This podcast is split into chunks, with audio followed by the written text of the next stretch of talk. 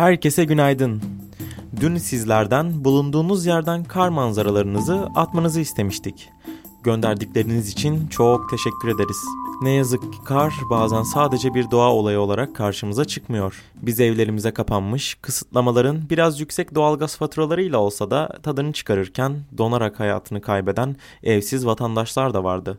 Bir daha olmaması için gerekli önlemlerin alınmasını umarak bültenimize başlıyoruz.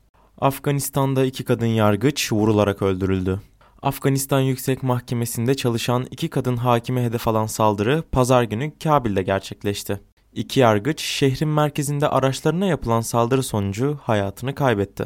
Bu aslında birkaç aydır sivil toplum figürlerini etkileyen bir dizi planlı suikastın en son saldırısı olarak görülüyor. Ülke geçtiğimiz haftalarda medya mensupları, politikacılar ve insan hakları savunucuları da dahil olmak üzere birçok suikaste sahne oldu. Birkaç saldırıyı IŞİD kendisinin yaptığını iddia etse de Afgan hükümeti ve ABD ordusuna göre saldırıların arkasında Taliban var. ABD'ye gitmeye çalışan Honduraslı göçmenler sınırda Guatemala güvenlik güçlerinin müdahalesiyle karşılaştı. Guatemala'ya giriş yapmaya çalışan göçmenlerin sayısının yaklaşık 9 bin olduğu ve çıkan olaylarda çok sayıda kişinin yaralandığı açıklandı. Guatemala'da hükümet daha önce Covid-19 negatif sonuçlarını göstermeyen göçmenlerin sınırdan geçemeyeceğini de açıklamıştı. Yeni ABD Başkanı Joe Biden'ın göçmen politikasında değişiklik yapmayacağını açıklamasının ardından Honduras'tan yola çıkan kafileye Meksika'da geçiş izni vermeyeceğini açıkladı. Zorunlu askerlik hizmetinin bulunduğu ülkelerden biri olan İsviçre, yeni dönemde koronavirüs nedeniyle askerlik eğitimlerinin kısmen uzaktan çalışma yöntemiyle yapılacağını açıkladı. Buna göre bu ay askerliğe başlayacak 12 bin kişinin yarısı kışlaya kabul edilecek, diğer yarısı ise selam verme, askeri bilgiler ve hatta silah kullanımı gibi eğitimleri geliştirilecek bir uygulama ile online olarak alacak. Fransa uçan taksi projesinin ilk test sürüşlerini Haziran ayında gerçekleştireceğini açıkladı.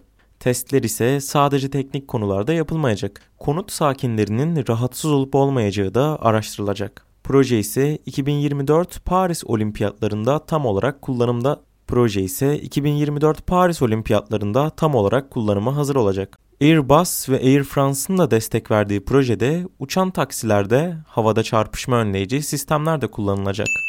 LinkedIn ve Facebook şirketleri de Türkiye'de temsilcilik açmaya karar verdi.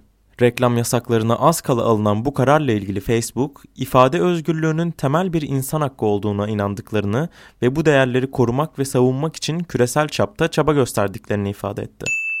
Fransa'da gündemde ensest mağdurlarının sosyal medyadaki tepkileri var.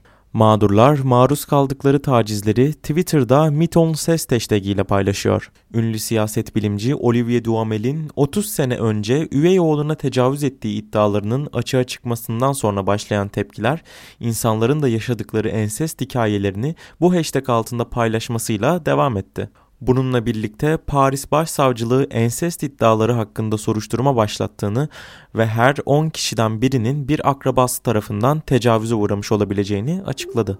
Bugünlük bu kadardı. Umuyoruz ki yarına çok daha güzel haberlerle karşınıza çıkalım. Görüşmek üzere, hoşçakalın.